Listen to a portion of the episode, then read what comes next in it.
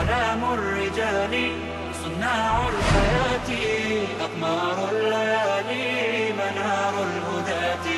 أعلام الرجال صناع الحياة أقمار الليالي منار الهداة. تزالوا سباتي وصاروا بذاتي نشيد الحياة. وصاروا بذاتي نشيد الحياة. تركنا الهوانا قوانا بعزم الأبات. آه يا من تسامى وخلى المنام. جرى العمر يمضي ورا من سراما. إن الحمد لله نحمده ونستعينه ونستغفره ونعوذ بالله من شرور أنفسنا ومن سيئات أعمالنا. من يهد الله فلا مضل له ومن يضلل فلا هادي له. أشهد أن لا إله إلا الله وأشهد أن محمدا عبده ورسوله. وقال ربنا في كتابه كريم بعد أعوذ بالله من الشيطان الرجيم يا أيها الذين آمنوا اتقوا الله حق تقاته ولا تموتن إلا وأنتم مسلمون. Zahvala pripada Allahu wa'ala, koga naš gospodar uputi na pravi put, zaista je upućen, a koga ostavi u zabludi, neće mu naći nikoga ko će ga na pravi put uputiti. Svjedočim da nema drugog istinskog Boga osim Allaha subhanahu wa ta'ala i da je Muhammed alihi salatu wa salam posljednji Allahu poslanik poslan sa istinom. Naš gospodar je kazao u svojoj plemenitoj knjizi o vjernici, bojte se Allaha istinskom bogobojaznošću i ne umrite nikako drugačije osim kao muslimani. Zatim, assalamu alaikum wa rahmatullahi wa barakatuhu. Zahvaljujemo Allahu subhanahu wa ta'ala koji nas je okupio ponovo i poživio na ovom bareć mjestu da nastavimo govoriti o Allahovim lijepim, lijepim imenima i njihovim značenjima. Večeras, draga braćo i cijene sestre i oni koji nas prate preko interneta, govorit ćemo o jednom novom Allahom subhanahu wa ta'ala imenu, o značenju tog imena, mada je Allah subhanahu wa ta'ala davno se opisao tim imenom. Ime, nakon svih ovih imena koje smo do sad radili, koje ukazuju na Allahu subhanahu wa ta'ala rububijet, uluhijet, da je on subhanahu wa ta'ala zaslužan da bude obožavan, da se njemu pokoravamo, da se na njega oslanjamo, da je on istinski zaštitnik svih vjernika, da se on brine o svojim vjernicima, da je on blag prema vjernicima, da on sve čuje, da on sve zna, da Allah te barek ve ta'ala ima univerzalni nadzor na svim stvorenjima, da mu ništa u njegovoj vlasti ne promiče njegovoj kontroli i savršenstvu. Govorit ćemo o imenu koji ukazuje na značenje da je on te barek ve ta'ala zaslužan, jedino se hvali da se veliča i slavi.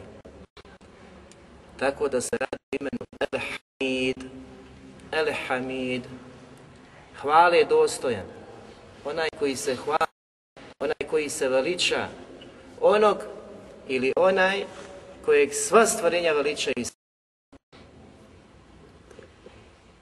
Pa ćemo vidjeti nakon tih razivanja o značenju ovoga velikog imena Allaha subhanahu wa ta'ala gdje smo mi u slavljenju, veličanju Allaha subhanahu, subhanahu wa ta'ala. U arapskom jeziku imamo značenje tahmida, tahmid. Imamo značenje hamda, imamo značenje šukra. Tahmid, daleko je pohvala i zahvala Allaha tabareke ve ta'ala od hamda.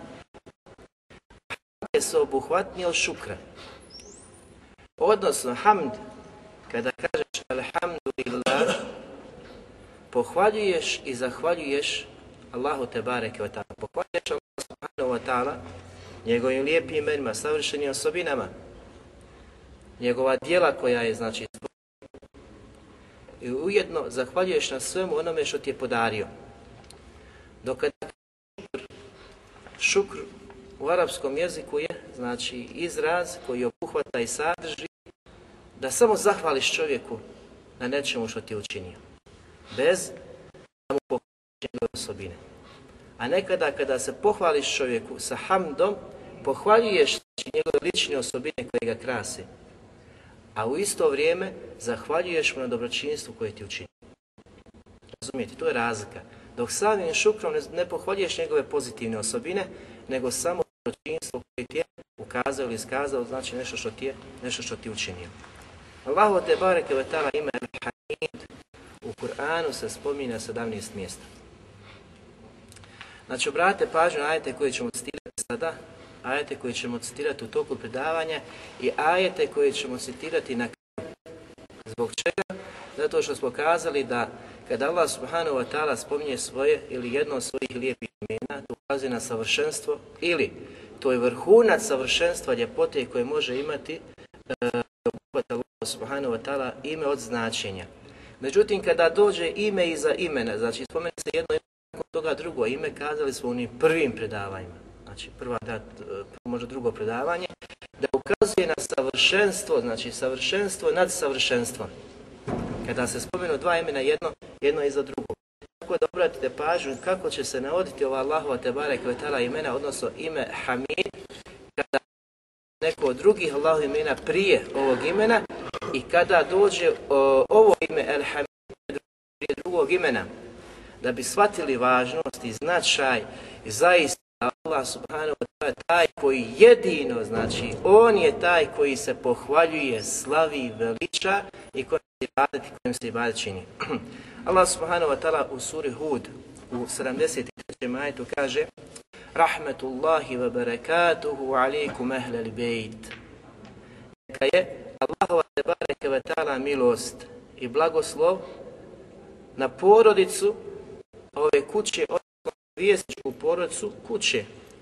Kompletne, znači koja, koja, uh, koji se nalazi od ukućana u toj kući. Zatim kaže Allah innehu hamidum međid. Zaista je on hvale dostojan i slavljeni. Hvale dostojan, međid nismo radili, ali ćemo raditi ako. Znači hvale dostojan i slavljeni.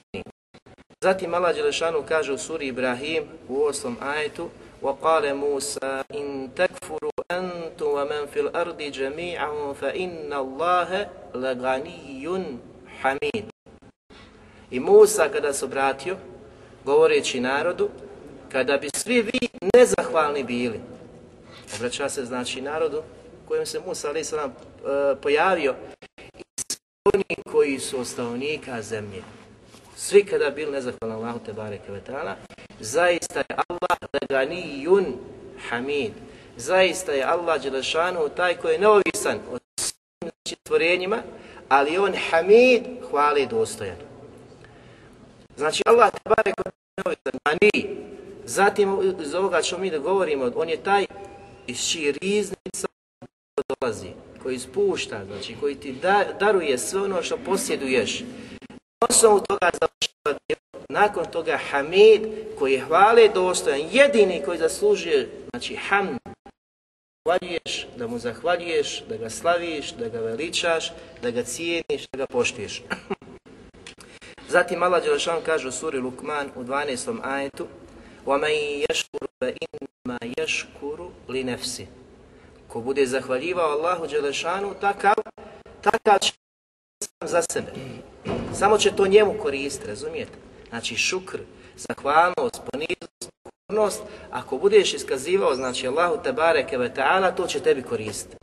Nakon toga kaže Allah Đelšanu وَمَنْ كَفَرَ فَإِنَّ اللَّهَ غَنِيٌّ حَمِيدٌ A onaj koji bude nezahvalan, nepokoran, pa Allah Đelšanu je neovisan i hvale i hvale dostojan.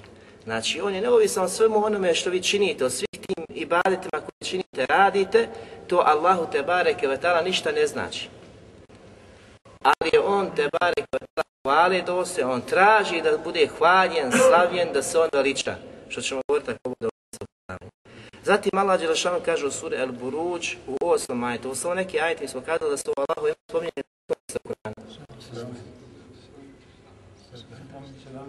17 ili 18? 17 mjesta. U suri, znači El Buruđ, Allah subhanahu wa ta'ala kaže وَمَا نَقَمُوا مِنْهُمْ إِلَّا أَن يُؤْمِنُوا بِاللَّهِ الْعَزِيزِ الْحَمِيدِ I nisu se ismijeli, nisu ih vrijeđali, nisu ih napadali, nisu ih grdili, nisu ih protjerivali, nisu ih ništavali, ni zbog čeg drugog, osim što su vjerovali u koga? U Aziza, u moćnog, jako, koji je Aziz i El Hamid, slave, odnosno pohvale svake. Razumijete? Zbog čega su bili progonjeni, zbog čega su bili lažu tjerivani, zbog čega su bili plaćeni? Zbog vjerovanja u El Aziz, moćnog, snažnog Allaha subhanahu wa ta'ala, El koji je svake pohvale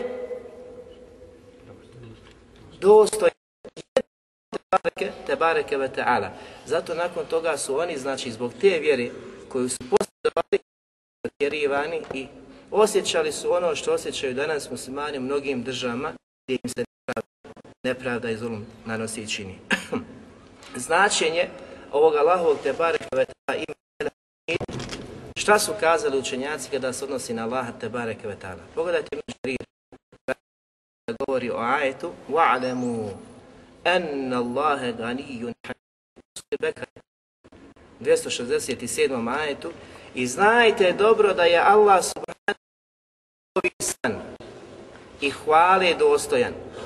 Podučava da svaki dobro zna da je i on taj koji je hvale dostojan, koji se treba veličati, slaviti, cijeniti, zahvaljivati na svim svojim halovima. Pa kaže Ibn Đari Rahimahullah ovdje, smo hvaljeni kod svojih stvorenja, stvorenja. Znači, njega stvorenja hvale, njega stvorenja veličaju. Zbog onoga što im je podario od neizmjernih blagodati. Razumijete, zašto ćeš Allahu zahvaljivati? Allah ti dao život, Allah te počastio, Allah ti dao zdravlje, Allah ti dao sve što posjeduješ. Pa kome ćeš zahvaliti ako nećeš Allahu te bareke? Zaslužan da bude taj koji se hvali, koji se, kojim se zahvaljuje, koji se slavi i veliča. Zatim kaže, iz svoje dobrote i blagodati prema njima. Ovo što ti podari Allah subhanahu wa ta'ala, mogu ti uskratiti. Jer on daje kome hoće, od koga A ono što ti je počastio, ono što ti je dao, trebaš biti zadovoljan sa tim, makar imao, znači imalo to osobina vjernika. Zatim za riječ Allaha subhanahu wa ta'ala, وَكَانَ اللَّهُ hamida.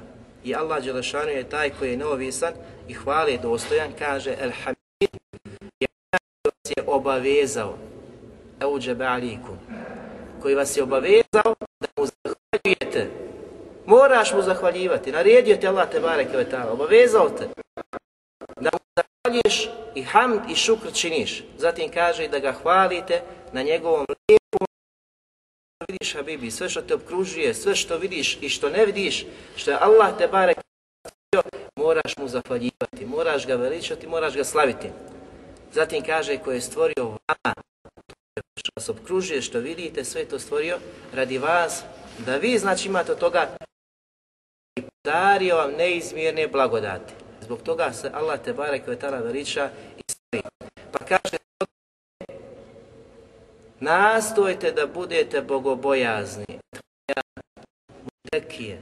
Oni koji se Allaha te bareke vetala plaše, boje i strahuju. Zatim kada požurite da izvršavate pokornost Allahu subhanahu wa ta'ala u svemu onome što i svemu onome što je zabranio. To sve obuhvata ime da mu zahvaljuješ, da, mu, da ga pohvaljuješ, da ga poštuješ, cijeniš, veličaš i slaviš zbog svega što je stvorio, što je tebi podčinio, sve što ti je podario, sve što ti je dao, da ga veličaš, slaviš, da mu zahvalan budeš i da požuriš Habibi da pokornost jer je on zaslužan nakon svega toga što ti ukazao da bude obožavan. Da on slavi, slavi veliča. El-Hatabi rahimahullah kaže služio svaku vrstu e, svaku vrstu pohvale pa kaže dijelima i radnjama. Šta znači njegovim dijelima?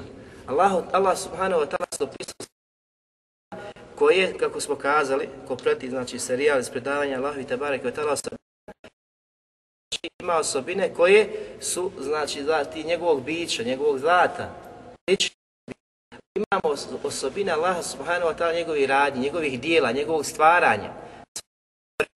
Znači ovdje se misli na to, misli se na to. Zatim kaže nakon toga, on se hvali u stanju poteškoće i stanju blagodati.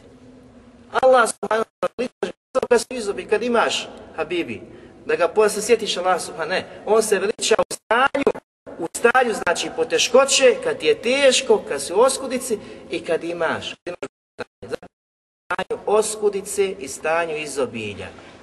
Allah te barek ve uvijek se jer je on el hakim. Pogledajte sada.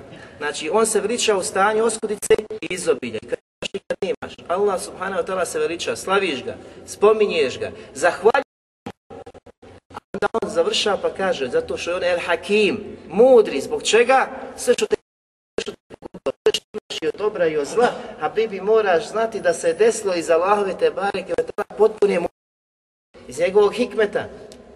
Ali si ti taj koji znaš da je sve ono što se dešava, nije to tek tako. Nego ima svoj cilj, ima svoju svrhu, ima svoju mudrost, ti ne možeš i ne moraš.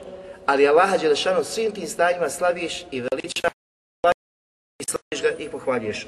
Zatim kaže u njegovim dijelima, u svemu onome što i nema znači u onome što se dešava, što vidiš da se događa od njegovih odredbe, da postoji neka greška i pogreška.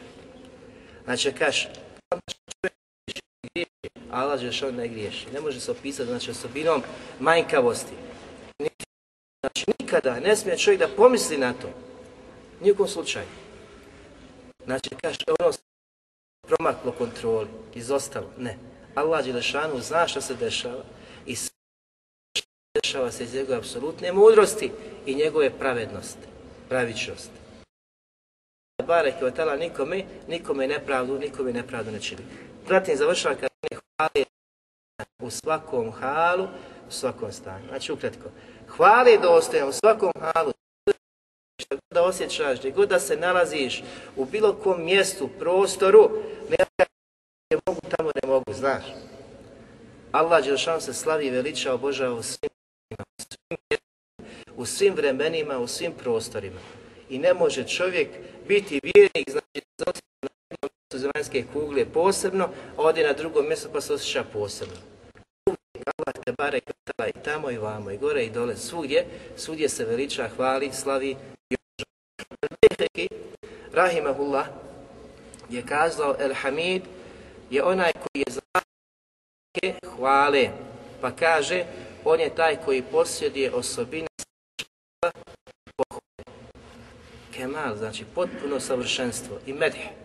Znači vrhunac pohvale i zahvale. Da je Allah subhanahu wa ta'ala koji to posjeduje. Zatim Ibn Kesir, pogledajte Ibn kako je pojasnio. Kaže Ibn Kesir za ovaj ajti sura El Bekare u 267. majtu وَعْلَمُوا أَنَّ اللَّهَ غَنِيٌّ حَمِيدٌ i dobro znajte da je Allah vada neovisan i hvale dostojan. Pogledajte kako kaže. Kaže El Hamid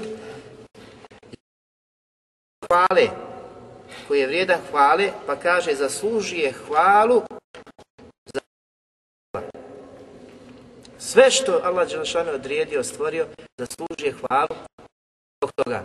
Zatim kaže, za sve svoje riječi koje je kazao dana zakone i moći. Vjerovatno Znači, kad pogledate e, savršenstvo tog šarijata, Allah te bare je zaslužen da bude hvaljen, slavljen, da se veliča, da se obožava. Kad pogledate mu odmah znate da je on taj koji je zaslužen da bude obožavan, da se slavi, da se veliča. Pa kaže, nema istinskog Boga, niti gospodara osim, osim njega. La ilaha Nema znači istinskog Boga koji se može obožavati, koji se može poštovati, koji se može zahvaljivati, pohvaljivati, slaviti, veličati osim, osim Allah, osim Še Sadi, rahimahullah, njega često spominjemo, onaj Allahovim lijepim imenima, uh, a ujedno je bio jedan od velikih šehova od Ibn Stajna Kaže, El Hamid, hvale dostojan u svojim savršenim svojstvima, lijepim imenima. On posjeduje najljepša imena, a njegova ili njegova svojstva su svojstva savršenstva. njegova, kaže, djela i radnje su u okviru, okviru čega? Pravde i blagodati. Razumijete? Znači, njegova djela i radnje, odredba, stvaranje i u okviru pravde i dobrote. Znači, sve što je odredio iz pravičnosti odredio. Ovo što posjedeš iz njegove neizmjene prema svojim, prema svojim stvorenjima.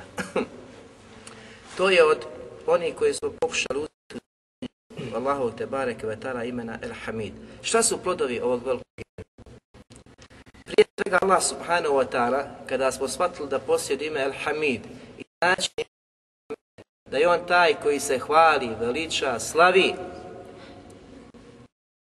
vjernik treba da požuri Habibi da bude taj koji će Allaha veličati, koji će Allaha slaviti, koji će Allaha poštivati, koji će Allahu zahvaljivati u svim svojim stanjima. U stanju kada imaš, u stanju kada nemaš. U stanju kada si iskušan, da zahvaljuješ Allahu te bareke ve ta'ala. Jer kaže poslanik sallallahu alejhi ve sellem, čudan je primjer vjernika. Čudan je primjer vjernika. Šta god da mu se njemu je dobro. Šta mu se desi njemu je dobro. Razumijete? Zamislite, čudan je primjer vjernika. Šta god da mu se desi njemu je dobro. Šta se može čovjeku desiti? I dobro i zlo. I dobro i zlo. Znači šta god da mu se desi, njemu je dobro. Pa kada ga zadesi, kada ga pogodi nešto što voli, nešto što, što ga raduje, njemu je znači takvim postupkom dobro kaže alhamdulillah. Pa mu kaže nakon toga bude dobro. A kaže nekad ga pogodi nedača, problem, iskušenje, iskušan si Habibi, kaže on postane trpljiv, izdržljiv, pa mu kaže opet bude dobro. Razumijete? I to je kada je samo stanje sa pravim istinskim vjernikom. To ne može svak. Ne može neko ko znači vjeruje i ne vjeruje, ko ima slab to. Ovo samo može osjetiti pravi istinski vjernik. I kada ga pogodi kakvo dobro i kada ga pogodi zadesi ga dobrota da Allah on zahvaljuje, zadesi ga kuša sa bura, ne žali se, ne trči, ne jadi. Ne priča ljudima i dan i noć to, tome znači on svoju tugu i svoj jad i svoje iskušenje iznosi samo Allahu subhanahu wa ta'ala, koji zna za njegov hak. Da je iskušao da vidi da li će biti od onih koji će saburati ili neće. Iskušao ga da vidi, znači da li će saburati pa da mu oprosti grijehe. Iskušao ga pa da vidi, znači da li će mu sabura povećati da reče. I neće ga pogađati, kao kaže poslanik sallallahu alihi wasallam, sve dok ne bude išao zemljom, hodio zemljom, a on bude čisto od grijeha.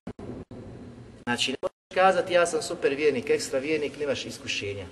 Iskušenja moraju dolaziti. I poslanik Ali Islatu Veselam, koji je bio najdraži Allahov te barek vetala bić, najbliži Allahu, najodaniji Allahu i niko nikada se ne može pojaviti kao Muhammed Ali Veselam. Pogledajte život poslanika. Pogledajte njegov mekanski period. Šta je sve, znači, na, na kakva je i pogledajte medijinski period, kad je došla islamska država, opet poslanik sa ovim iskušava. Ranjava, gubio svoje najbliže. Razumijete, gubio. Danas čovjek kad izgubi svoga bliskog e, nekoga, izgubio sina Ibrahima. Na Uhudu šta se je desilo? Se desilo na Bedru? Šta se desilo znači kada su došli e, saveznici? Šta se dešavalo? Šta se dešavalo? Osjećao strah. Sve znači osjećao poslanik sallallahu sellem i glad i žeđ su trpili znači oni koji su slijedili poslanika ali i slatva A zar mi mislimo da možemo proći bolje od njih? I da kažemo, znate ono, znate, budi fin, budi meramet, se neće desiti. Kakav god da ti budeš, ahi, iskušenje mora dolaziti. Iskušenje mora dolaziti da bi Allah razotkrio, da bi klasirao, da bi odredio ko je iskren, ko je znači, neiskren svojoj tvrdnji. Ko tvrdi iz srca, ko ne tvrdi iz srca, ko zaista Allaha Đelešana obožava, koga hvala, koga priča u stanju kada ima, u stanju kada nema, u stanju kada je na slobodi, u stanju kada je tamo negdje. Kada je iskušavan radi Allaha te bareke da li će popustiti, da li neće popustiti. Alima. Pogledajte znači koliko su oni prolazili kroz te, kroz te one institucije. Šta se dešavalo tamo? Koliko su trpjeli? I zla i nepravdje, ali su bili ustrajni. Nekada je neko od njih popustio zbog nečega što je pomislio znači da mu je opravdanje u tom postupku.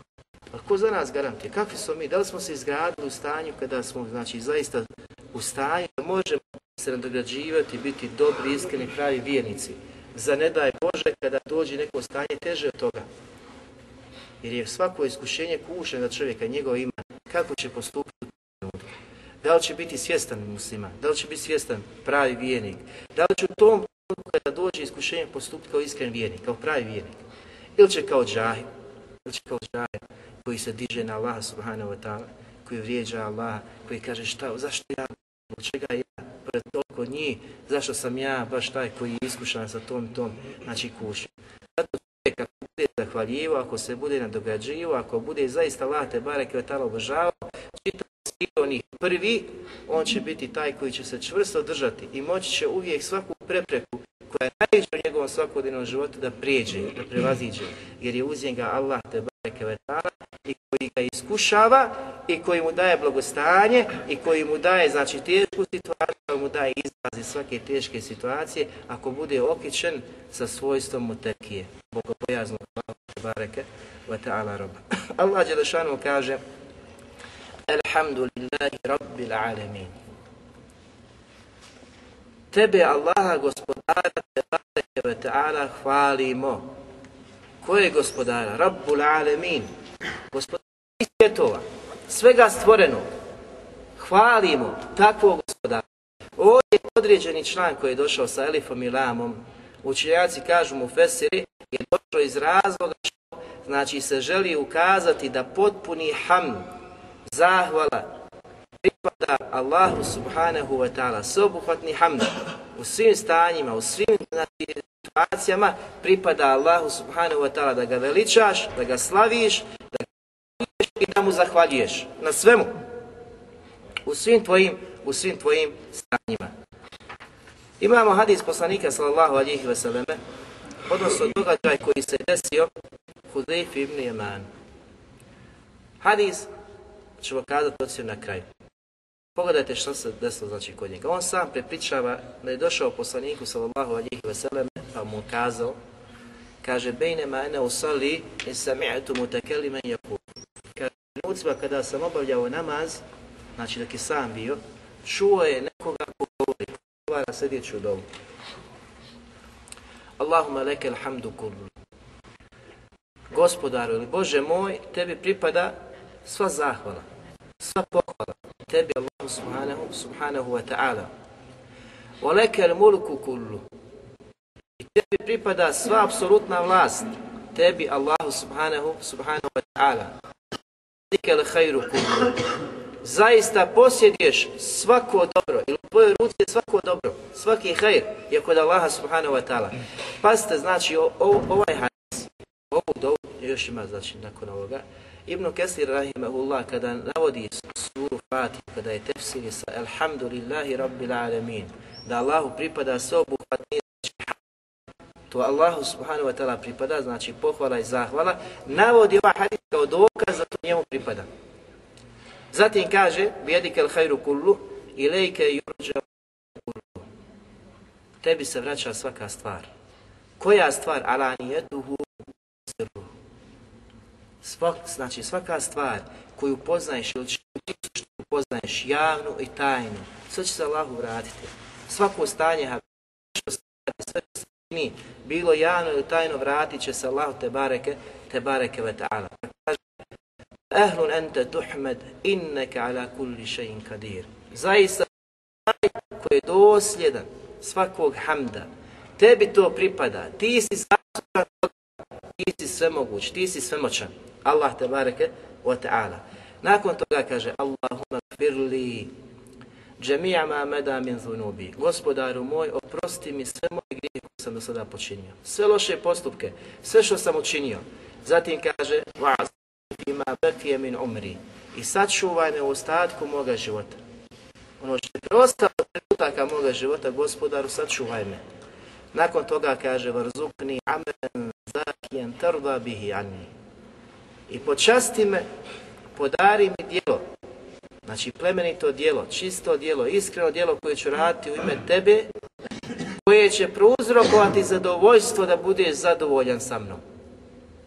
Nakon toga kaže, Pokale nebiju sallallahu alihi wasallam, kada je saslužao Huzefu koji je došao kazao, znači kada sam klanjao, kada sam bio u namazu, čuo sam glas je ovo izgovorio.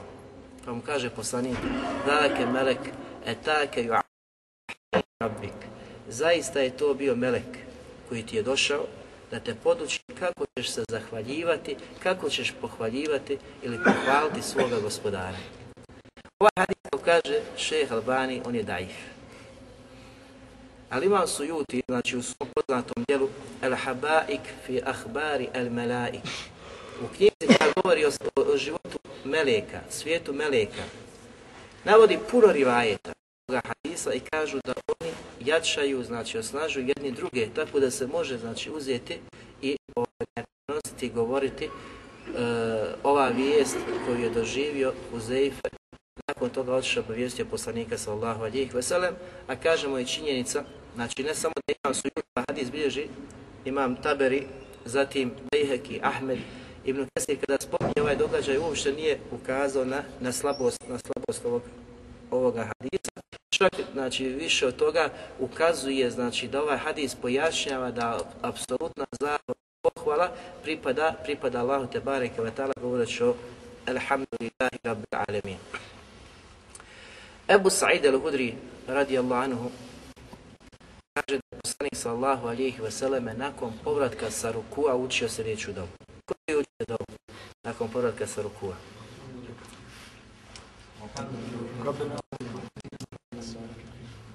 I to je dova za koju je poslanik sallahu alihi vseleme šta kaže, ne ta dova, hamdan kathira ta'ibe mubareken fi, kaže poslanik sallahu vseleme kada je klanjao obavljao namaz, čuo je čovjeka nakon sami Allahu limen hamida tu dovu, pa kaže poslanik nakon namaza, ko je taj koji je izgovorio tu dovu? Kažu, odnosno javi se, ja sam. Hadis je vjerodostojan. Kaže, vidio sam preko 30 meleka, bide, a ovdje se spominje, salatin meleka. Vidio sam više od 30 meleka, to može imati značaj od 33 do 39 su se natjecali ko će prvi zapisati tu dovu. Zbog važnosti, koristi značaja te dove.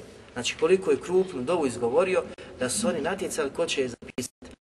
Ta dova šta, šta sadrži? Hamd, pohvalu i zahvalu Allahu te bareke wa ta'ala. Pogledajte znači kolika je vrijednost da se Allah subhanahu wa ta'ala slavi i veliča, pohvaljuje onako kako njemu subhanahu wa ta'ala dolikuje. Ovdje se radi o drugoj dovi, koju isto tako bilježi ima muslim. Gdje kaže Sa'id al-Hudri, kane Rasulullahi sallallahu alaihi wa sallam iza rafa'a ra'sahu min ruku, kada je dizao i vraćao se sa ruku, a podizao svoju glavu, izgovorio je sljedeću dovu, Rabbena lekel hamd, i ovo. Zatim kaže nakon toga, Mil'u samavati wal ard. Gospodaru, tebi pripada svaka hvala, svaka zahvala, ti se veličaš, ti se slaviš, tebi to dolikuje kaže ovdje koliko se može popuniti između nebesa i, ne, i, i, zemlje. Znači ono što obuhvata i nebesa i zemlju, toliko tebi to pripada gospodar. Pogledajte kako poslanik sallahu alaihi ve sellem opisuje hamd koji pripada Allahu subhanahu, subhanahu wa ta'ala. Oma šite min šajim ba'd. I kaže tebi pripada od toga, onoliko koliko ti hoćeš. Allahu ta hamd, znači koliko je zaslužen Allah te barek ve tog hamda. Zatim nakon toga kaže, ehlu sena i međd, zaista si ti taj koji jedino je zaslužan da se pohvaljuje, da se slavi, da se veliča. Zatim nakon toga kaže, ehaku abd. I ovo je najistinitije što može kazati čovjek. Zatim kaže poslanik sallallahu alejhi ve selleme: "Wa kulluna laka abd." A svi mi tvoji robovi. Pa kaže Allahumma la ma'ni ali ma'atejt, gospodaru, niko ne može spriječiti ono što ti dadneš. Niko ne postoji, znači ne može spriječiti ono što ti je Allah te barek vetala odredio. Zatim kaže vala mu'ti ali ma Niti može neko dati ono što ti spriječiš. Niko Habibi, ono što ti Allah odredio dobiješ, dobit ćeš, niko to neće uskratiti. Ono što ti on zabrani, ono što ti nije odredio dobiješ, koliko god da se trudiš, nikada nećeš, nikada nećeš to dobiti. Zatim kaže Ora yanfa'u zal jaddi minkal jadd. I bogatstvo bogataša. Njegov ugled, sve što posjeduje, ništa mu od toga neće koristiti kod Allaha te barek. Koliko god da je bogat, koliko god znači da ima ugled kod ljudi, neće mu to koristiti bez bogobojaznosti, znači i poštivanja i slavljenja Allaha, Allaha te barek, te barek Ovo je dova znači koji je učio poslanik sallallahu alihi vseleme nakon povratka sa rukua. Zatim imamo hadis poslanika sallallahu alihi vseleme gdje kaže tuhuru šatrul iman. Čistoća je zaista pola imana. Pa danas ovu čistoću treći kako hoće. Može se obući ovako, može onako, može u kući biti ovako, može biti onako. Bitan ima, bitan bitno učenje Kur'ana, bitno je slavnje Habibi. Pola imana je čistoća. Allah Đelešanu voli koga? Mutetahirin. Allah Đelešanu voli oni koji se mnogo čiste. Kako kažu učenjaci, ovo obuhvata naš, e, naš e, vanjski izgled, našu odjeću, našu kuću, avliju, dvorište, sve. Allah voli oni koji čiste to, ali isto tako voli oni koji se brinu, brinu o svojoj duši, koji čiste svoju dušu od protjeva, strasti, kufra, širka, licemjerstva i svega znači oni negativni, negativni osobina koje ne smije dođu i da se nađu kod vjernika. Ali isto tako Allah voli znači oni koji brinu da budu čisti, da budu uredni, da lijepo izgledaju, Allah subhanahu wa ta'ala takve, takve voli. Kaže poslanik sallallahu Walhamdulillahi temla'u A riječi Alhamdulillah popunjavaju vagu Terezija na sudnjem danu. Pogledajte. Kad kažeš Alhamdulillah, koliko to znači, znači, koliko je vrijedno, koliko je veliko da popunjava Terezije na sudnjem danu. Pa zatim kaže poslanik sallallahu alihi wasallam wa subhanallahi walhamdulillahi temla'ani au temla'u ma bejne samavati wal ard. A riječ subhanallah, walhamdulillah, popunjavaju Habibi ono što je između nebesa i zemlje. Koliko je znači to krupno, koliko je veliko, koliko je znači kod Allaha subhanahu wa ta'ala važno da ga slaviš, da ga veličaš, da izgovoriš te dove.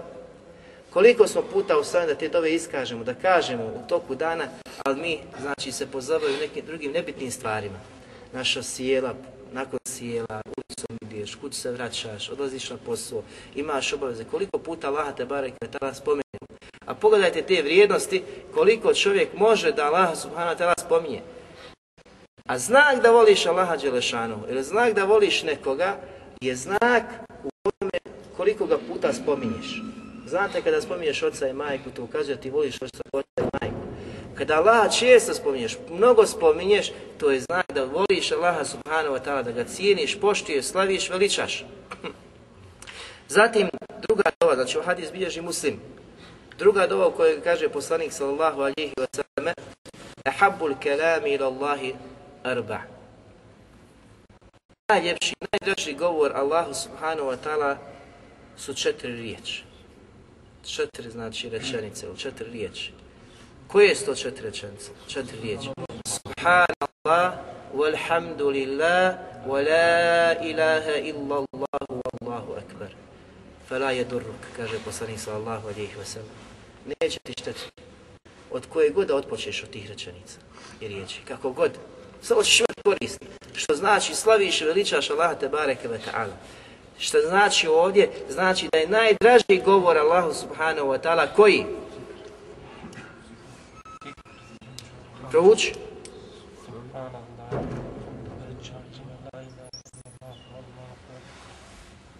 Je otpočeo kako treba? Kako god da otpoče, ja bi ispravne, kako god da otpoče, dakle god da počne, la ilaha illallah, subhanallah, alhamdulillah, Allahu ekber, ispravno. Kako god, slaviš, veličaš gospodara Allaha subhanahu, subhanahu wa ta'ala. Od Mutarifa ibn Abdillaha, ibn Šahira, rahimahullah, koji je bio tabina, njegov otac je bio poznat asab poslanika sallallahu alihi vseleme, da je čuo Imrana ibn Husayna kako kaže radijallahu anhu. Danas ću ti, kaže, kazati hadis. Hadis je zabilježen kod imama Ahmeda, Rfu, ovo je govor koji govori o gajbu, a ashab ne govori o gajbu, znači po svom čefu, svom nahođenju, nego mora biti, znači, nešto da je čuo od poslanika sallallahu alihi vseleme. Pa kaže, danas ću te podučiti hadisu kojim će ti, kada ga čuješ, znači kada ga čuješ, Allah će ti podariti da se koristiš nakon ovoga dana, znači. Imaćeš korist od njega puno. Pa kaže, znaj da su najbolji Allahovi robovi na sudnjem danu, pa ih opisuje. Elhammadun. Oni koji su mnogo Allaha slavili, veličali, pohvaljivali, zahvaljivali. Sve obuhvata. Znači, hammadun, oni koji su mnogo Allaha veličali, slavili, koji su ga pohvaljivali, onako kako njemu dolikuje i koji su bili zahvalni Allahu i Tebare Kvetala robovi. Najbolji ljudi na sudnjem danu su ti. Najbolji. Ima li nas među njima? Odgovorit ćemo svi sami sebi. Zatim, drugi plod, da je Allah subhanahu wa ta'ala sam sebe pohvalio na mnogim mjestima u Kur'anu. Allah subhanahu wa ta'ala sam sebe pohvaljuje. Prije svega, pohvaljuje sam sebe na rububijetu, da njemu znači pripada Allahu subhanahu wa ta'ala gospodarstvo, da je on gospodar svega, stvoritelj svega, spušta kišu, dalje da rastinje raste, usmrčio, življuje, sve to pripada Allahu subhanahu wa ta'ala. Znači Allah subhanahu wa ta'ala to posjeduje, pa sam sebe slavi veliča i pohvaljuje u Kur'anu, pa kaže Elhamdulillahi rabbil alamin. Razumijete? Znači tebi Allahu subhanahu wa ta'ala pripada svaka hvala. Pohvaljuje gospodar subhanahu wa ta'ala sam sebe na rububijetu, da je on gospodar svih svjetova, sve stvorio subhanahu wa ta'ala. Pa se pohvalje. Znači iz ovih ajeta, sad, znači iz ovog, sada kada budemo govorili gdje Allah subhanahu wa ta'ala, u kojim znači ajetima se pohvaljuje, zbog čega se pohvaljuje, tu nam je smisao da vidimo znači ko je naš gospodar, Allah te bareke ve koji je zaslužan da bude znači hvaljen, da se slavi, da se veliča. Zatim pohvalio je sam sebe na spuštanju Kur'ana, knjige upute čovječanstvu. Pa kaže Allah Đelešanuhu u suri El Kef u prvom ajetu Alhamdulillahi alladhi anzala ala abdihi kitab. Pogledajte. Pripada kome? Allahu subhanahu wa ta'ala koji je objavio i spustio na svoga roba kitab, Kur'an. Zatim sam sebe slavi veliča u stvaranju nebesa i zemlje. Da je on stvorio nebesa i zemlju. Kad razmisliš i promisliš o Kur'anu, vrijednosti Kur'ana, upute Habibi, da nema Kur'ana, svi bi zabludi bili. A Allah Đelešanu želi stvorenjima hajr, pa im je poslao knjigu, spustio knjigu i poslanika, sallallahu alihi wasallam, da uputi čovječanstvo uputa koja vodi do dženeta, koja vodi do dženeta. Okretanje od toga vodi do vatre. Pa Allah Đelešan nam spustio knjigu. Pogledajte te vrijednosti. Vječno uživanje. Pa se pohvaljuje zbog toga. Zatim se hvali, slavi i veliča. Zbog čega? Zbog toga što je on stvoritelj nebesa i zemlje. Pa kaže Alhamdulillahi ladhi khalaqa samavati wal ard wa ja'ala dhulumati wan nur thumma ladhina kafaru bi rabbihim ya'dilun koju nepravdu čine mnogobožci. Allah Đelešanu kaže u ovom kuranskom ajetu, braćo, Hvala pripada onome koji je stvorio nebesa i zemlju. Sva nebesa i sve zemlje. I njemu pripada hvala i na drugom svijetu. Fil ahire. Zatim kaže, keferu bi rabbihim ja'dilun. A oni koji ne vjeruju Allaha Đelešanu, pored svih ovih očitih dokaza, drugi Allahu subhanahu wa ta'ala smatraju ravnim. Izjednačavaju, znači da su i oni ti koji mogu tako nešto učiniti. Nikada, ni u kom slučaju. Allah njemu pripada halak. On je taj koji je stvoritelj. On je taj koji stvara, rastvara, daje život, usmrćuje. Sve što vidimo, znači što je stvoreno, sve je gospodar Tebare Kevetala stvorio. I sam sebe slavi i veliča na tome. Pa zamislite koliko su stvorenja potrebna da slave i veličaju Allaha subhanahu wa ta'ala kada shvate i kada razumiju ovo na što ukazuje gospodar Tebareke, Tebareke wa ta'ala. Zatim se je pohvalio da njemu pripada apsolutna vlast u suri sebe u prvom ajetu. Lahu ma fis samawati wa ma fil ardi wa lahu alhamdu fil akhirah wa huwa al-hakimul khabir. Njemu pripada hvala i na nebesima i na zemlji. I njemu pripada hvala i na drugom svijetu. A on je El Hakim, mudri i El Habir, o svem obavješteni. I svoje apsolutne mudrosti, sve je stvorio i sam sebe hvali i veliča. Sve što je na nebesima, sve što je na zemlji i nebesa i zemlju, sve je gospodar stvorio. Zbog toga je on taj koji se hvali, veliča i slavi i on je taj koji je znači obaviješten o svima onima koji su i na nebesima i na zemlji, o svem onome što radi, o svem onome što čini, ništa od njihovog stanja mu nije nepoznato. Posjedi apsolutno za nje o svima njima. Zatim Allah Đelešanu je pohvalio sebe, kako kažu učenjaci, onoliko koliko obuhvata prostor i vrijeme. I pogledajte kuranski ajet kako dokazuju. U suri Rum u 17. i 18. ajetu Allah Đelešanu kaže فَسُبْحَانَ اللَّهِ حِينَ تُمْسُونَ وَحِينَ تُصْبِحُونَ I slavljen i hvaljen je Allah te bareke ve ta'ala i kada omrknjavate i kada osvanjavate. I ujutro i naveći. Pogledajte kakav je prostor i vrijeme, znači kako, su, kako obuhvati ovaj kuranski ajet. Zatim kaže وَلَهُ الْحَمْدِ السَّمَاوَاتِ وَالْأَرْضِ I njemu pripada hvala i zahvala i pohvala i na nebesima, sve što nebesa obuhvataju, i na zemlji sve što, ne, što zemlja obuhvata. وَعَشِيًا وَحِينَ تُظْهِرُونَ I na večer i u popodnevnim časovima. Nakon podne, pogledajte. U svim tim trenucima, u svim tim stanjima, u svim tim vremenima, u svim tim prostorima, Allahu subhanahu wa ta'ala pripada hvala, da bude hvaljen, da bude veličan, da bude slavljen. Samo njemu te bareke, te bareke wa ta'ala. Zato čovjek kada shvati, kada razmisli o stvaranju, o ovome samo što je Allah subhanahu wa ta'ala stvorio, vidjet će kako je Allah subhanahu wa ta'ala kaže Allazi ahsane kule šeine halaqa koji je savršeno sve stvorio. On je taj subhanahu wa ta'ala koji je zaslužen zbog svega toga da bude obožavan. Pa pogledajte nepravde koju čine ljudi kada okreću glavu tog gospodara koji je sve to stvorio, savršene znači oblike svima dao i ne samo ljude, nego pogledajte kosmos, zvijezde, nebesa, zemlju, planine, rijeke, sve što nas okružuje, od žive i nežive znači prirode. Vidimo znači koliko je savršenstvo našeg gospodara Tebare Kvetala, kolika je njegova moć, a koliko mi malo zahvaljujemo i koliko mi malo znači Allahu subhanahu wa ta'ala i hamdi šukr činimo. Poslanik sallallahu alihi wasallam kaže Afdalu zikr, la ilaha illallah, wa afdalu du'a, a najbolja znači dova je alhamdulillah. I ova hadis je Hasan kao kaže šeha Albani, rahmetullahi alihi. Znači najbolji zikr je la ilaha illallah, kako je došao vjerodostojni hadisma, nije došao jedan poslanik sa boljim riječima, sa boljom, znači, izgovorenom rečenicom od la ilaha illallah. To je najjača rečenica koju može čovjek izgovoriti. Ali isto tako, najbolja dova koju možeš proučiti, alhamdulillah. Da kažeš hvala Allahu subhanahu wa ta'ala svakom stanju. Zatim, iskazivanje hamda, treći plod. Kada zahvaljuješ i pohvaljuješ Allaha subhanahu wa ta'ala onako kako njemu dolikuje, to prouzrokuje ili to je sebe da budeš od onih sa kojima je Allah subhanahu wa ta'ala zadovoljan. Kako? Kaže poslanik sallallahu alaihi wa sallam u hadisu koji bilježi muslim In Allahe la yerda anil abdi an yakula aklata fa yahmadahu alaiha au yashraba šarbata fa.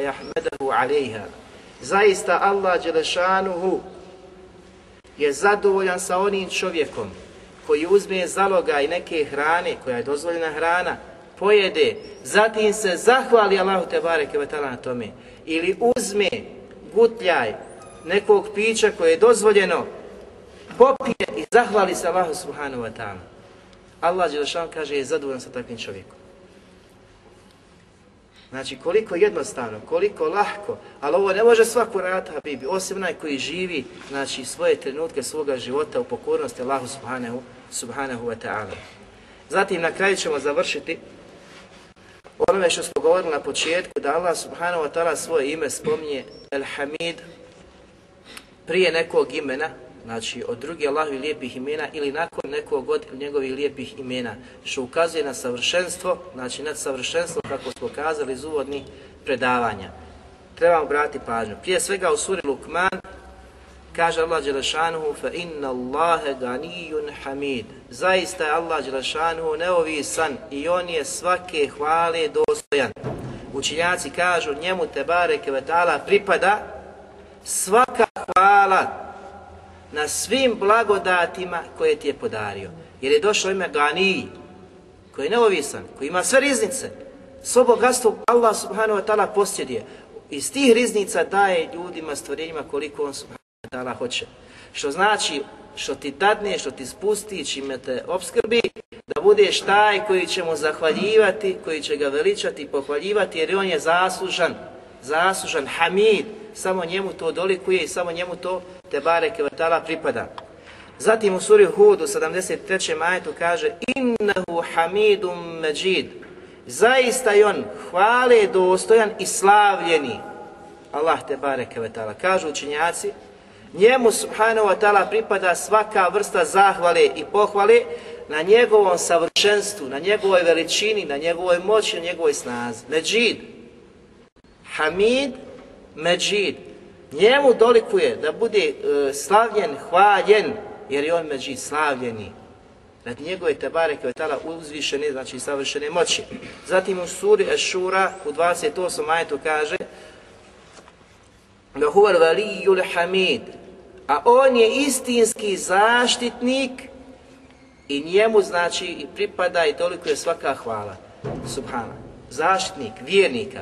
Kada shvatiš i razumiješ da te Allah štiti, da te pomaže, da ti spušta pomoć, da ti daje pobjedu, da te štiti od svega onoga što je zlo i od dušmana i onoga što osjećaš, koji te liječi, koji ti daje zdravlje, da je tvoj istinski zaštitnik, on je taj koji istinski zaslužuje da bude pohvaljivan, da se njemu zahvaljuješ na svemu tome što si dobio od njega te bareke vetala kao dar.